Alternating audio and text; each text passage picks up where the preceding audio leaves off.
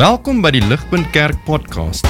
As Ligpunt Gemeente is dit ons begeerte om God te verheerlik deur disippels te wees wat disippels maak en 'n kerk te wees wat kerke plant. Geniet hierdie week se preek. Kom ek kom ek praat net gou oor beginpunt as 'n as 'n reeks. Okay, so laas jaar het ons ook afgeskop met soos 'n reeks beginpunt. En die hart agter hierdie jaar en laas jaar is om om die jaar reg te begin, maar eintlik meer om onsself te check soos wat ons die jaar begin. Ehm um, Desember word ons binnegeval met soos 'n 1000 gedagtes. En dan begin ons Januarie met soos nog 'n 1000 gedagtes.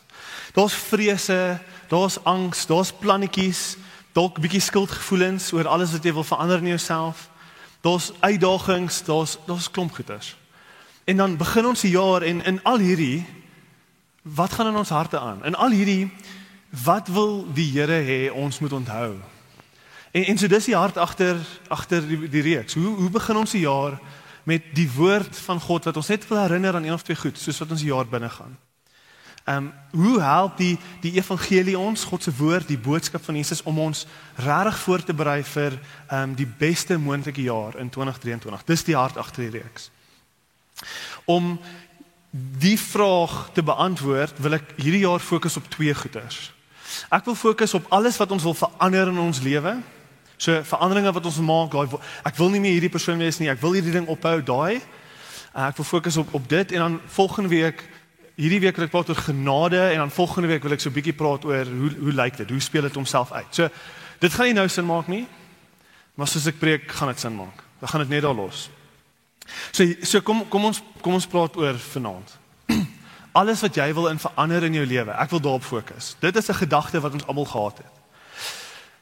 Elke liewe een van ons begin elke jaar, wel nie elke liewe een van ons nie. Ek dink mense het begin opgee op hierdie, maar baie van ons New Year's resolutions.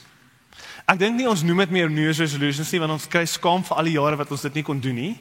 So agter ons kop het ons 'n plannetjie agter ons kop het ons 'n New Year's resolution, maar ons gaan dit nie deel met iemand nie. Ons gaan kyk hoe gaan dit in Februarie. As dit goed gaan in Februarie, dan gaan ek vir my vrou sê, "Hey, ek het gesê ek gaan 'n bietjie meer Bybel lees jaar. Check, check, check, check." Okay? Maak nie saak nie. Ons almal wil hierdie jaar beter doen as wat ons ja, laas jaar gedoen het. Almal almal is soos nuwe jaar, nuwe ek. Almal van ons. En en oor die algemeen as ons eerlik is, daai skepties, daai skeptics wat sê jy kan nie, hulle hulle is redelik reg. Ek dink ons sukkel met hierdie. Ons sukkel om aan die begin van die jaar die veranderinge wat ons wil maak deur te sien. En dan eindig ons die jaar met nog spyt, nog burden, nog kyk ek is 'n slegte mens, kyk kyk kyk en dan probeer ons maar weer. Gegeewe hierdie wil ek julle hierdie vraag vra vir vir die woord vanaand spesifiek. En hoe moet ons dink oor ons nuwejaarsvoorneme? Wat wat wil wat wil die Here spesifiek vir jou sê vanuit sy woord? Soos wat jy dink aan alles wat jy wil verander, soos wat ek dink aan alles wat ek wil verander hierdie jaar, sodat ek hierdie jaar beter kan wees as laas jaar. Wat is daai ding wat die Here wil hê jy moet hoor? Dis waarvan ons se preek gaan. So ek wil hê voor ons nou weer verder inspring, dink net gou vir my aan al jou tekortkominge. Ja, so lank, né? Dink aan dink aan hoe jy mense hanteer het die jaar wat verby is.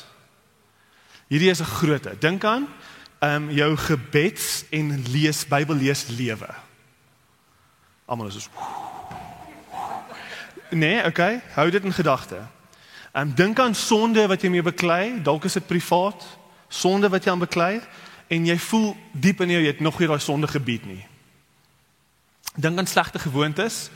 Ehm um, swipe up, hou net aan YouTube shorts, TikTok, gaan dit aan. As jy weer kyk is 5 ure verby en jy sê hierdie jaar wil ek nie meer dit doen. OK? Slegte gewoontes, dink aan ehm um, slegte keuses wat jy gemaak het laas jaar. Ons almal worstel met onsself. En ek dink in die vakansie rus ons maar ons worstel met onsself. Wat wil die Here hê ons moet hoor? Vanuit sy woord soos wat ons worstel met onsself. Hier is waar ek wil begin. Uh die eerste ding wat ek vanaand wil praat is waarvandaan kom ons begeerte om te wil beter wees. Waarvandaan kom ons begeerte om te wil beter wees? Die Bybel praat van 'n wet wat God in ons almal se harte geskryf het. Dis 'n 'n tipe van 'n fundamentele verstaan diep in almal se harte wat vir ons sê wat reg en verkeerd is oor die algemeen. Okay. Ehm um, C.S. Lewis het dit so verduidelik. C.S. Lewis sê, hy sê ehm um, vergelyk alle mense oor alle tye, die Egiptenare, die Babiloniërs, die Romeine, die moderne Amerikaners met Chinese, hulle verskil verskriklik. Okay, hulle verskil verskriklik.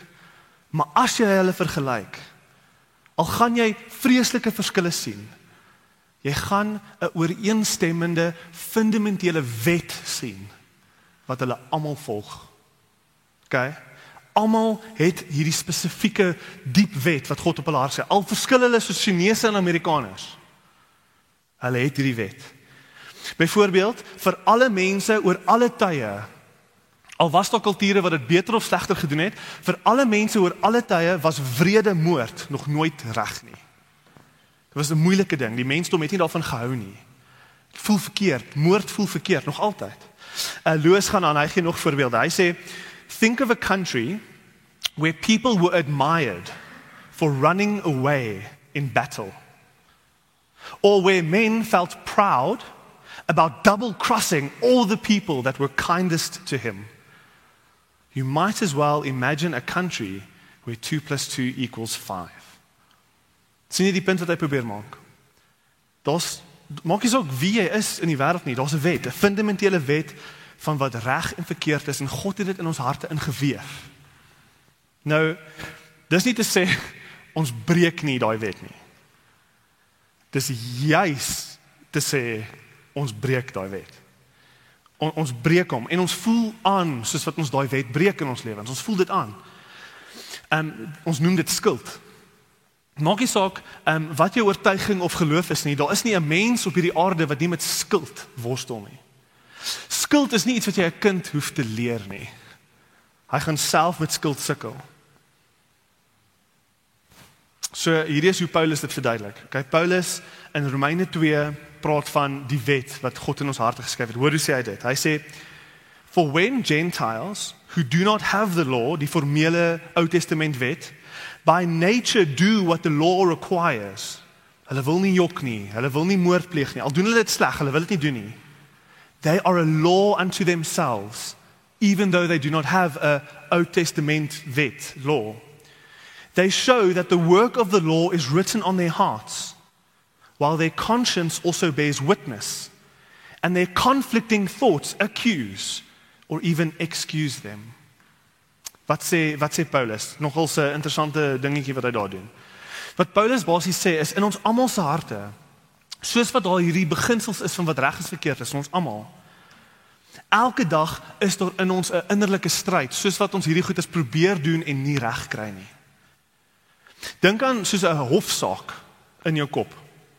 In jou kop is daar hofsaak, jy sit in die soos hot zone, okay? Jy's in die moeilikheid, jy sit in die in die hofsaak en jou self het 'n jy het 'n verdedigende regter en jy het soos 'n 'n prosecutor, 'n ou wat wat jou wil accuse.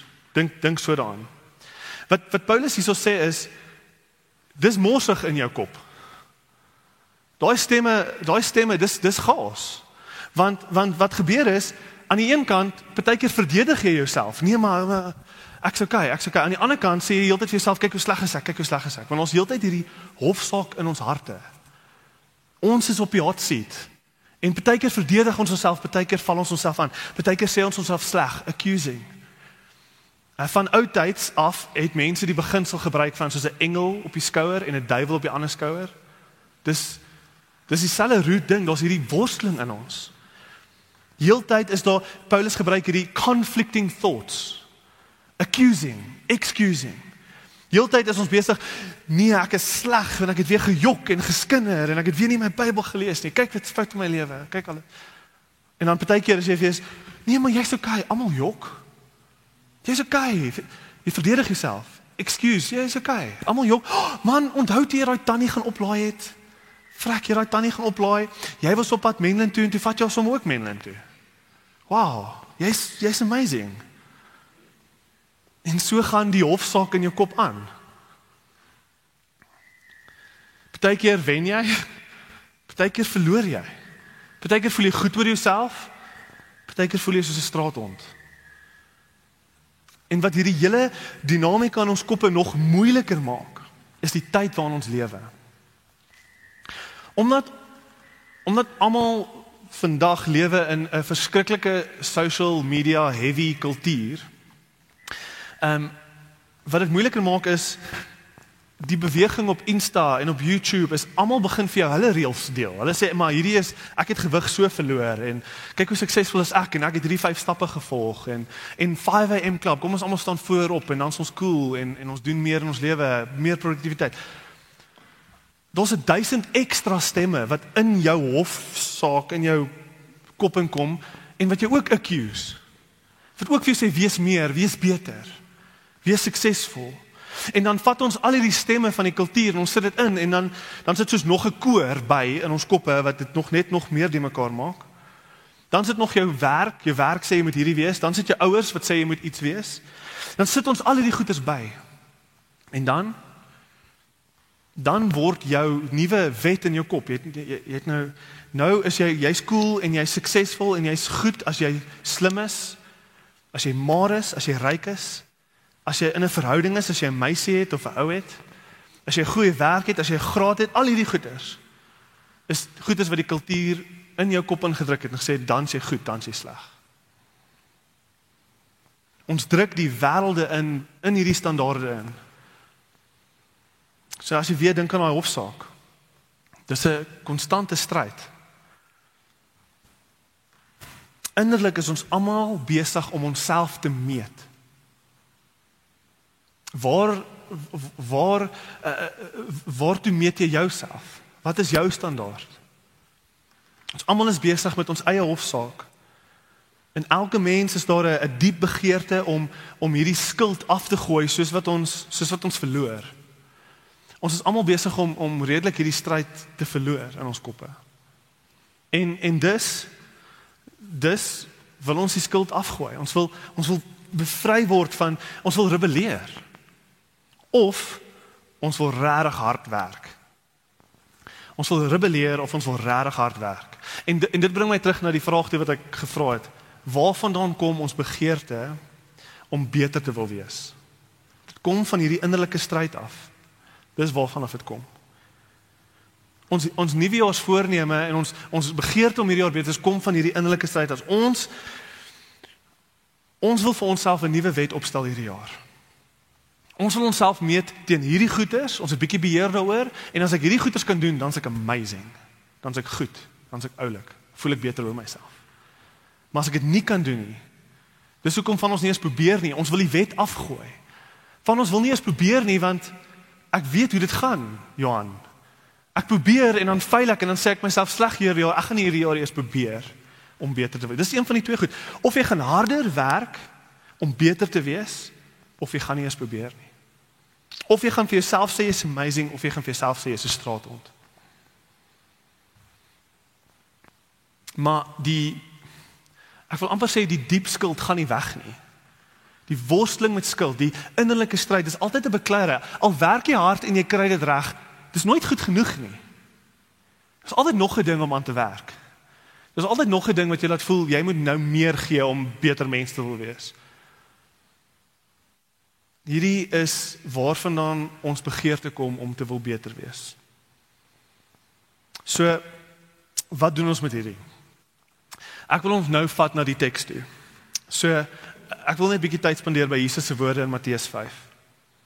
Hierdie innerlike stryd maak Jesus se se se bergprediking ontsettend belangrik. So dis waarvan ons gelees het in Matteus 5, Jesus se bergprediking, the Sermon on the Mount. Dit is 'n ontsettende ryk preek wat Jesus preek. E-, eindeloos ryk. Ek gaan weer vir ons daai verse lees sodat dit vas is in ons koppe. Okay? So hierdie is wat ons gelees het. Matteus 5:17 Do not think I have come to abolish or destroy the law or the prophets. I have not come to abolish them but to fulfill them. For truly I say to you until heaven and earth pass away not an iota not a dot will pass from the law until all is accomplished. Therefore, whoever relaxes one of these, one of the least of these commandments, and teaches others to do the same will be called the least in the kingdom of heaven. But whoever does them and teaches them will be called great in the kingdom of heaven. For I tell you, unless your righteousness exceeds that of the scribes and Pharisees, you will never enter the kingdom of heaven. Wat doen Jesus hier? So wat my tref is is daai laaste deel. Unless your righteousness exceeds that of the scribes and Pharisees, you will never enter the kingdom of heaven. Uh, in vers 20 en reg deur die bergprediking wat Jesus doen is, hy elevate die wet. Daar was 'n daar was 'n wet, 'n Ou Testament wet. Jesus sê, "Julle weet wat daai wet is. Ek gaan ek gaan hom elevate."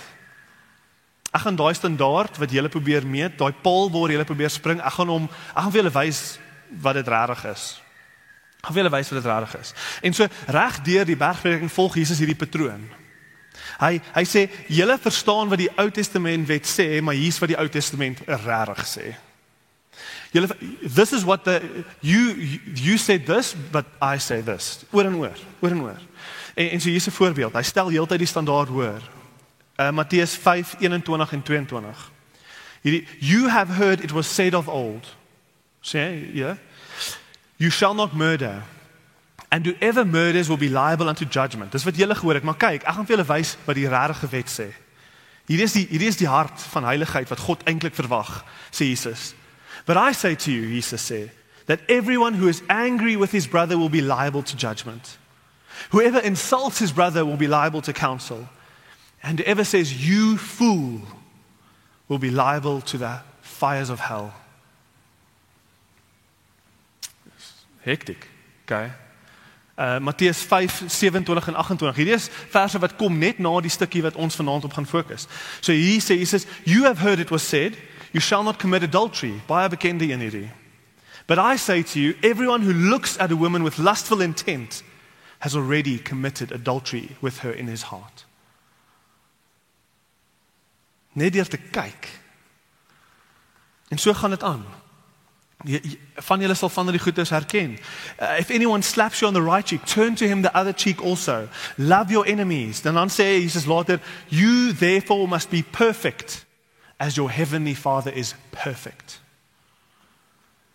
Jesus vat die wet wat ons ken, hy vat die paal waar almal gespring het en hy sê hierdie is wat dit regtig is. Onthou die die scribes and pharisees wat Jesus ons hiermee vergelyk, you must be more than the exceeding the scribes. Hierdie ouens was voltydse wetsonderhouders. Dit was hulle werk. Dit was hulle 8 tot 8. Okay. Ehm um, jy moes hierdie ouens se nuwejaarsvoorneme gecheck het. Okay, ons ons staan nie 'n kans nie. Okay, hierdie ouens was next level. Hulle hulle was experts in hoe om oor hierdie paal te spring, die Ou Testament wetpaal. Experts. Die die normale visvanger van die dag in Israel het nie 'n kans gestaan nie. Toe Jesus hierdie woorde lees, sou die hele skare voor hom in sak en as neergeval het. Want Ons kom nie eers nou naby daai ouens nie, Jesus. Nou sê jy ek moet beter wees as hulle. Dis die effek wat Jesus se woorde sou gehad het. You will never enter the kingdom of heaven.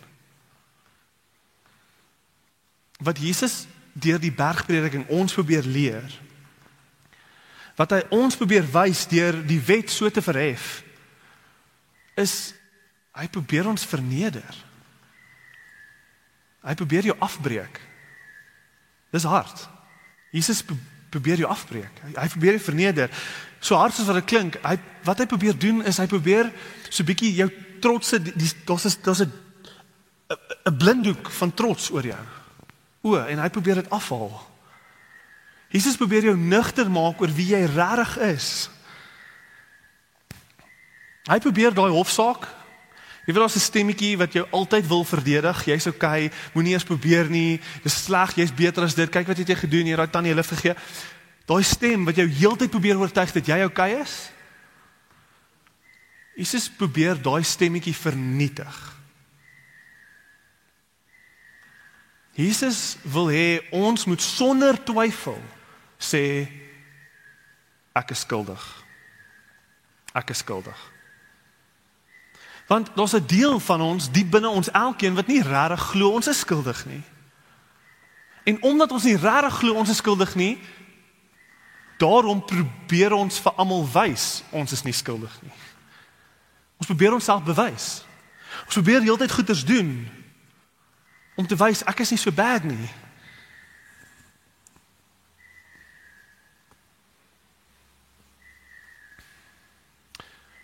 Jesus sê jy mag nie eens kwaad word nie. Hoeveel van ons, hoeveel van ons raak nie kwaad op die pad nie?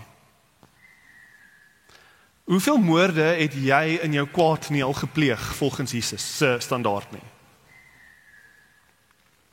Hoeveel moorde het jy nie al gepleeg volgens Jesus se standaard van die wet nie omdat jy jou hier meer verloor het op die pad? En baie erger woorde gebruik het as you fool sien jy wat doen Jesus? Jy kan nie meer teen daai verdedig nie. Daar's niks wat jy kan sê om jouself te verdedig teen daai standaard van die wet nie, niks nie. En en soos wat ek daai woorde sê, kan, wil jou hart en my hart wil sê dit kan nie wees nie. A, a, a, a, nee. Ek stem nie saam met wat Jesus sê nie. Dis wat ons harte wil sê. Hoekom? Hoekom wil ons harte nie saamstem met Jesus se standaard van die wet nie? Want al weet ons ons is nie perfek nie. Ons dink ons is oukei. Okay. Al weet ons ons is nie perfek nie, wil ons nie Jesus glo nie, maar wat al wat dit ons wys is dat ons die wet, God se heiligheid wat hy regtig van ons verwag, ons het dit al so afgewater dat dit ons skok wanneer Jesus ons regtig kom sê wie ons moet wees. Dit skok ons want ons is nie so bad nie. Wanneer ons regtig hoor wat God van ons verwag hier, dan begin ons besef ek is in die moeilikheid en dit is wat Jesus wil doen ek ek weet dit klink hard wanneer ek sê Jesus wil ons afvat, maar maar daar's baie dinge in die lewe wat eers sleg is voor dit beter gaan. Ek bedoel ons almal kom nou terug van vakansie af. As jy wil fiks raak, gaan jy eers 'n paar onfikse draf sessies moet deurgaan voor dit gaan beter gaan. As as jy as jou ehm um, ek ek weet nie of dit Afrikaans is nie, appendix. As jou appendix bars, dis pyn. Dan, dan jy's klaar half dood in pyn, dan sê die dokter vir jou ek kan jou beter maak, maar ek moet eers oopsny. En dit gaan eers slegter gaan voor dit beter gaan. Ons sal sê, ja, asseblief sny my oop, vat die pyn weg. Maar ek moet jou oop sny. Ja, ja, jy kan maar. Dis iets van dit wat hier aangaan. Die Here wil wil iets uit ons uitsny, 'n tipe van 'n trots wat onsself oor en oor wil verdedig wat ons oor en oor wil verdedig. Hy wil eers iets uitsny en dis 'n dis 'n afvattende proses. Dis 'n dis 'n moeilike proses. Iets van dit vind hier plaas. Wat wat ons nodig het vir 2023 is nie 'n trots wat dink ons kan en gaan beter wees in onsself en in ons eie krag nie. Ons kort nie dit nie. Ons kort nie 'n tipe van 'n trots met al ons plannetjies wat sê kyk hoe amazing is ek nie. Dit voel dalk goed. Maar dit is nie goed vir ons nie. Want eers gaan jy weer val Eerens gaan jy weer die mens wees wie jy regtig is, die wetbreker wie wie, wie jy regtig is. Wat ons nodig het om te hoor in die begin van hierdie jaar is die nigter realiteit van Jesus se woorde, die nigter realiteit van wie jy regtig is. En dis hard. Te veel dink ek van ons verstaan nie die evangelie op hierdie punt reg nie. Te veel van ons dink dat wat ons na die tafel toe bring maak saak. As ek oulik is en as ek al hierdie goeders aan die tafel toe bring, dan aanvaar God my. Dan is ek oulik. Dan dan. Maar wat Jesus hier probeer doen is hy probeer daai daai doodmaak. Kom ek vertel julle ehm um, die storie van John Wesley. So John Wesley is die stigter van die Methodiste Kerk. Ehm um, hy was hy was gekies daai tyd was dit nogal 'n verskriklike ding om gekies te word om by Oxford te gaan swat. Hy het gesê ek wil nie by Oxford gaan swat nie. Ek wil vir die kerk gaan werk en ek wil spesifiek in die tronke gaan werk en mense vertel van die Here. Ons weet daai tyd, hy het soos 6 keer 'n dag gebid. John Wesley. Soos dink aan 'n hedendaagse fariseer. Hierdie ou gee alles. En hy werk homself tot op die been om hierdie Jesus ding te doen, hierdie Christendom ding te doen. En hy het self gesê in sy storie, as jy dit gelees het, hy self erken dit was nie iets was nie reg nie. Hy het self begin sê, maak nie saak hoe hard ek gedruk het en gewerk het en hoeveel nuwe jaars voorneme ek gehad het en hoeveel ure ek gebid het nie. Hy het nie vrede gehad nie. Hy het nie vrede gehad nie. Hy het geweet daar's nog steeds 'n skeiding tussen hom en God. Al het hy alles gegee. En elke jaar hoe verder hy voel van God, hoe harder het hy gewerk, hoe meer het hy gebid. En en hy het dit aanhou doen want hy het nie besef hoe ver hy eintlik is nie. Solank soos wat hy gedink het daar's iets wat hy kan bring, het hy alles probeer bring. Hy was nooit afgebreek nie. En toe, as jy verder sy storie lees, gaan hy op 'n 'n 'n 'n skip. Hy reis van Engeland na Amerika toe. Ehm um, of van Eng Amerika na Engeland toe. Hy het ver gery op 'n skip, okay? Ver gery op 'n skip. En op daai spesifieke aand kom daar 'n storm oor hulle. 'n Storm so erg dat almal op die boot gedink het ons gaan doodgaan vanaand. Hierdie is die einde van ons van ons lewens. En soos wat almal daar dood in die gesig staar, sien John Wesley ander Christene. En hy kyk na die Christene en hy sien in hierdie Christene 'n vrede wat hy nog nooit in sy lewe gesien het nie. 'n Rus.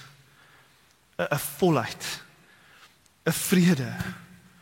En daai aand daai aand toe red die Here hom regtig uit die storm uit en hy sê na daai aand wie ook al die God is wat ek aanbid dit is nie die God van daai Christene nie dis nie die God van daai gesien daai aand het hom gebreek. Daai aand het hom afgevat. Daai aand het hy begin besef wat Jesus vir ons almal probeer sê deur deur die bergprediking. As daai aand het hy besef ek kan niks bring nie. Ek kan niks bring nie. Jesus se bergprediking is so ontwerp dat dit dat dit jou en my wil kry om regtig te erken uit die diepte van ons harte ek is skuldig.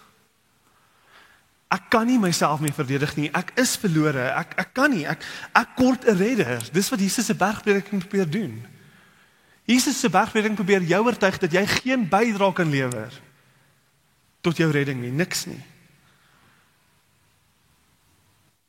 Jesus wys jou standaarde wat wat wat jou wil afvat. Hierdie jaar, hierdie jaar aandiens moet ons versigtig wees om te dink dat die Here wil hê jy moet jouself op een of ander manier bewys omdat jy laas jaar 'n slegte jaar gehad het. Jy moet versigtig wees vir dit.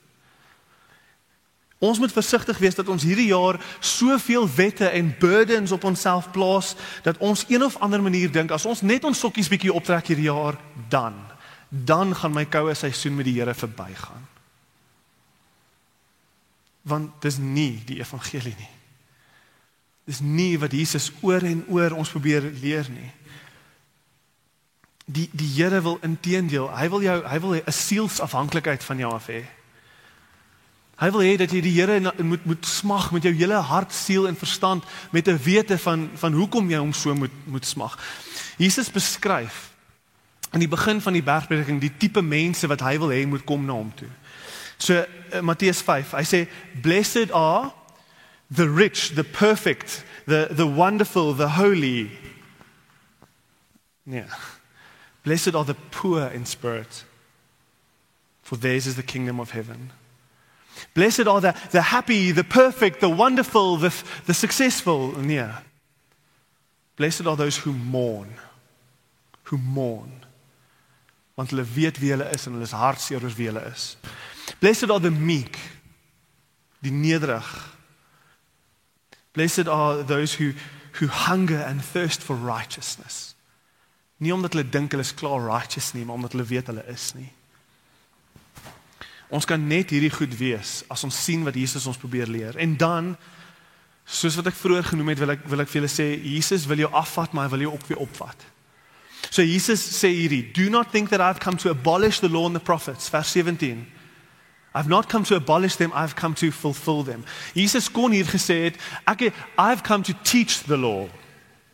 Jesus kon nie gesê het I've come to enforce the law, want dis baie keer hoe ons dink oor God. Ons dink God is 'n polisieman en en Jesus is sy beste polisie vriend, seun wat gekom het om die law op ons om af te dwing. Dis hoe ons dink oor God. Hy's 'n polisieman, hy kom die law enforce. Soos wat hy perfek is, probeer hy dit in ons gesig vryf dat ons nie so is nie. Dis hoe ons dink. Maar dis nie wat Jesus sê nie. Hy sê nie enforce of teach. Of, hy sê I've come to fulfill the law. Jesus Jesus sê hierso Ek is gestuur vanuit die liefde van die Vader om die wet wat oor jou hang, die innerlike stryd waarmee jy elke dag worstel, die paal wat jy elke dag probeer oorspring, ek het daai wet probeer wegneem en volmaak in myself. Die hele wet. Ek het die hele wet kom weer vervul sodat daar om geen wet nou oor jou hoef te hang nie. Ek het alles nagekom, perfek sê Jesus. Alles wat God verwag, het ek perfek nagekom. Al die pad tot by die punt waar ek my lewe neergelê het vir mense wat nie lief is vir my nie. Vir mense wat my nie soek nie. Vir disippels wat weghardloop. Ek het my lewe vir hulle neergelê. Alles perfek. Die volheid van die wet is in Jesus nagekom. Sodat die leemte in ons volgemaak kan word deur die perfekte geregtigheid van Jesus Christus. Dis wat hy sê. Dink weer aan daai hofsaak in jou kop, nê? Nee? Jy sit op die hart sê almal stry oor jou, een probeer verdedig, een sê vir jou jy's sleg. Ja, Jesus se wet sê vir jou jy's jy's vrekkend sleg. Dit doen, hy breek jou heeltemal af.